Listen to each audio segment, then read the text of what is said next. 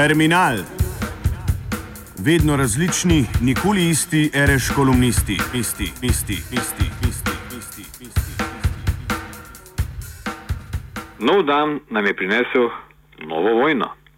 Kot poročajo svetovni mediji, je Saudska Arabija v četrtek začela vojaški napad na Jemen, ker so šiitski uporniški huti v zadnjih mesecih okrepili nasilje zoper vlado. Jemen je sicer zdrsnil v kaos že leta 2012, ko so državo zajeli množični protesti in prisilili dolgoletnega predsednika Saleha k odstopu. Lani so na to šiitski uporniki zauzeli prestolnico Sana in začeli osvajati mesto Aden, v katerem je jemenski predsednik Hadi spostavil začasno prestolnico. Vse skupaj se je zgodilo tako hitro, da so ameriški marinci v Sani zapustili ameriško veleposlaništvo kar brez vlastnega orožja. Pa tudi drugače naj bi ZDA v Jemnu postili za okoli 500 milijonov dolarjev predvsej uporabnega orožja. In ne samo to. Jemen je ameriški predsednik Barack Obama še pred nekaj meseci svetu predstavljal kot državo, v kateri naj bi ameriška vojna proti terorizmu prinesla največje uspehe, kar je verjetno najboljši dokaz skoraj neverjetnega poloma ameriške zunanje politike. Ko je prišlo do prevrata, so Huti, ki jih podpira Iran, kmalo zasedli še Aden, Hadi pa naj bi se omaknili iz države.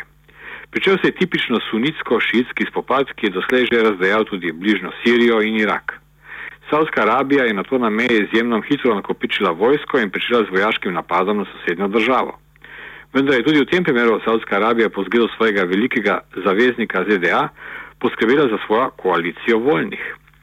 Kot v tisti stari reklami za Klijo, ima tako sedaj Saudska Arabija danes vse, kar imajo veliki svojo vojno in svojo koalicijo voljnih.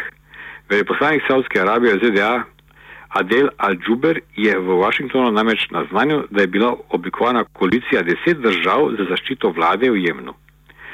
Ameriške oblasti so hkrati sporočile, da je predsednik Barack Obama odobril oskrbo z logistično in obveščevalno podporo v vojaški operaciji. Kot je pojasnil savski veleposlanik ZDA, je namen operacije braniti in podpirati legitimno jemensko vlado in preprečiti radikalnemu gibanju Hutijev, da prevzamejo nadzor nad državo. Toda kaj, če se jim ne posreči? Kaj, če bodo obale Jemna postale nevarne tudi za savske tankerje? Iran in Rusija imata dovolj razlogov za to, da poskrbite za hiter dvig cen nafte, ki jo je zrušila prav Saudska Arabija. Svet je pred večjo nevarnostjo, kot se zdi. Vse skupaj bi bilo seveda žalostno, če ne bi bilo tako groteskno. Kako je mogoče, da smo prišli do točke, ko celo različne regionalne sile že oblikujejo svoje koalicije voljnih in začenjajo svoje vojne? Kako je mogoče, da se uporaba vojaške sile proti neki državi, ki jo formalno lahko napove samo varnostni svet OZN, v medijih opravičuje kot nekakšna policijska racija v domači sosedski? Razlog za to se skriva ob koncu hladne vojne, ko so ZDA enostransko preoblikovali svet in pravila, ki so doslej veljala. Mednarodne intervencije in vojne so bile seveda prisotne tudi pred letom 1991, tudi razen izraelsko-arabskih spopadov, iraškega napada na Kuwait in iraško-iranske vojne predtem, ki so se obe končali brez spremenjenja meja. Bližnji vzhod v nekaj desetletjih po vojni ni doživel takšnega kaosa, kot smo mu pričali v zadnjih letih. Meje v Evropi pa so bile še veliko bolj varne in jih niso spremenile niti intervencije Sovjetske zveze na Mačarskem in Češko-Slovaškem. Po koncu hladne vojne se je vse spremenilo. Ob razpadu Jugoslavije se je začela vojna za meje novih držav, ki je na koncu pripeljala do paradoksalnega rezultata, ko so si predvsem srpski politiki zaželeli drugačnih meja, ki pa so bile na koncu po intervenciji proti ZRE leta 1999 vsiljene prav Srbiji. Načela Badinterjeve komisije, ki smo jih še pred leti tudi v Sloveniji tako pogosto hvalili kot enega od temeljev državnosti, je odnesel veter novih mednarodnih odnosov. Tudi s tem smo, kot radi rečejo naši prijatelji v ZDA, odprli konzervo s črvi.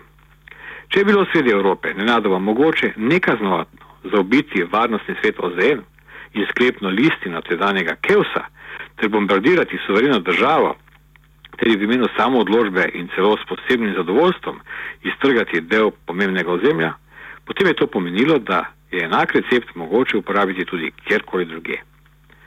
Rusija je iz te izkušnje potegnila dobro lekcijo. Ko je Kosovo razglasilo neodvisnost, so ruski diplomati, ki so do sedaj celo v OZN neumorno ponavljali litanije o suverenosti Gruzije, nenadoma obrnili ploščo. Gruzija se je odločila za svojo različico hrvaške nevihte, to da Rusija ni bila Srbija. Pet dni pozneje je Gruzija, vse tesnejša zaveznica Zveze NATO, ostala brez dveh lepih kosov lastnega ozemlja. ZDA so odgovorile s pomočjo nasprotnikom režima v Siriji. Arabsko pomlad pa ni odnesla samo avtokrati v Tunisu, pač pa je v kaos pahnila tudi Libijo, Egipt, Bahrajn, Irak in Sirijo. Šitsko-sunitska vojna je izbrisala meje držav. Dopisniki, ki so z nadušenjem poročali o rušenju režimov, so kmalo umoknili in se preselili na druga, bolj zanimiva prizorišča iz Libije, Iraka in raznih drugih sivih pek kaosa, pa svetovne medije le tu in tam presenetijo prebliski vedno novih grozovitosti. Ko je EU ob podpori ameriške politike želela svoje meje razširiti vse do vzhodnih meja Ukrajine, je Rusija z bolj ali manj prikrito silo odgovorila drugič. Padla je še ena mednarodna meja in to sredi Evrope. Krim je postal ruski, vzhod Ukrajine pa se je spremenil v bojno polje. Vse to je seveda rezultat ene same zablode. Prepričanje, da so ZDA, Zveza NATO in Zahod na splošno nosilci napredka in da imajo prav, ko z ognjem in mečem širijo demokracijo in svobodo po vsem svetu. To je bilo jasno zapisano že v nacionalni varnostni strategiji Buševe administracije. Ta je pred ZDA postavila tri zveličavne naloge. Ohranjali bomo mir, tako da se bomo borili s tirani in teroristi. Ohranjali bomo mir z graditvijo dobrih odnosov med velikimi silami. Razširili bomo mir z zahrabrenjem svobodnih in odprtih družb na vsakem kontinentu, je pisalo v strategiji. To je bila precejšna sprememba. Prejšnji predsednik ZDA Clinton je namreč ameriške cilje še decembra leta 1999 definiral precej drugače in se je zauzemal le za razširitev ameriške varnosti, pospeševanje ameriške ekonomske prosperitete in promocijo demokracije in človekovih pravic v tujini. Ekspanzivna ameriška politika in zanašanje na silo je na to privedla do cele vrste nasilnih sprememb, ki so sprožile nove spirale nasilja. Stranska žrtev tega projekta je bilo spodkopavanje mednarodnega prava in stanje globalne nestabilnosti. Zamisel o bistveni spremembi razvoja Bližnjega vzhoda ni bila kredibilna, ker demokracije preprosto ni mogoče preprosto transplantirati. Napad na Irak s pomočjo laži in prevare, spodkopavanje Sirije in pritisk na Iran so se vse bolj agresivnem širjenju Zveze NATO dali svoj izjemen prispevek k nestabilnosti v svetu. In v tem pogledu je Slovenija, ki se je leta 2004 na referendumu odločila, da stopi v NATO, dala svoj majhen, tudi opazen prispevek k naraščanju napetosti v svetu. Mnogi v Rusiji, tako kot na primer Soženicin, so že predtem učitali Zahodnji Evropi in ZDA, da načrtno razbijajo Rusijo.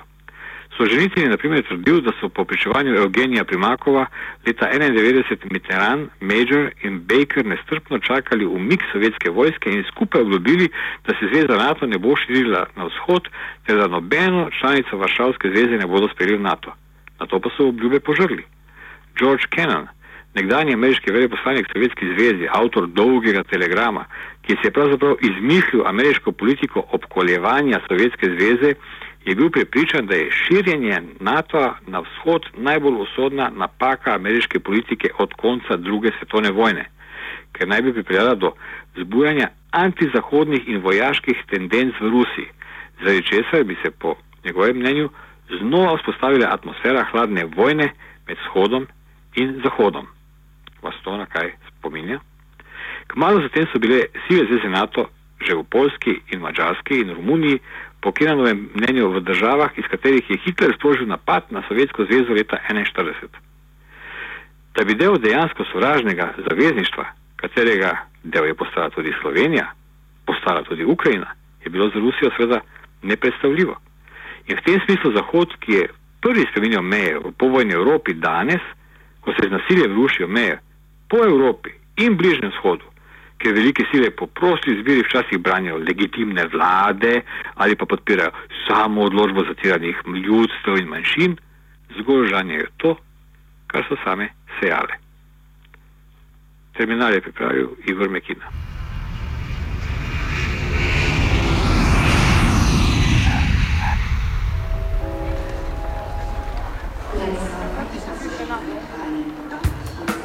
Terminal. Vedno različni, nikoli isti, ereš kolumnisti, isti, isti, isti.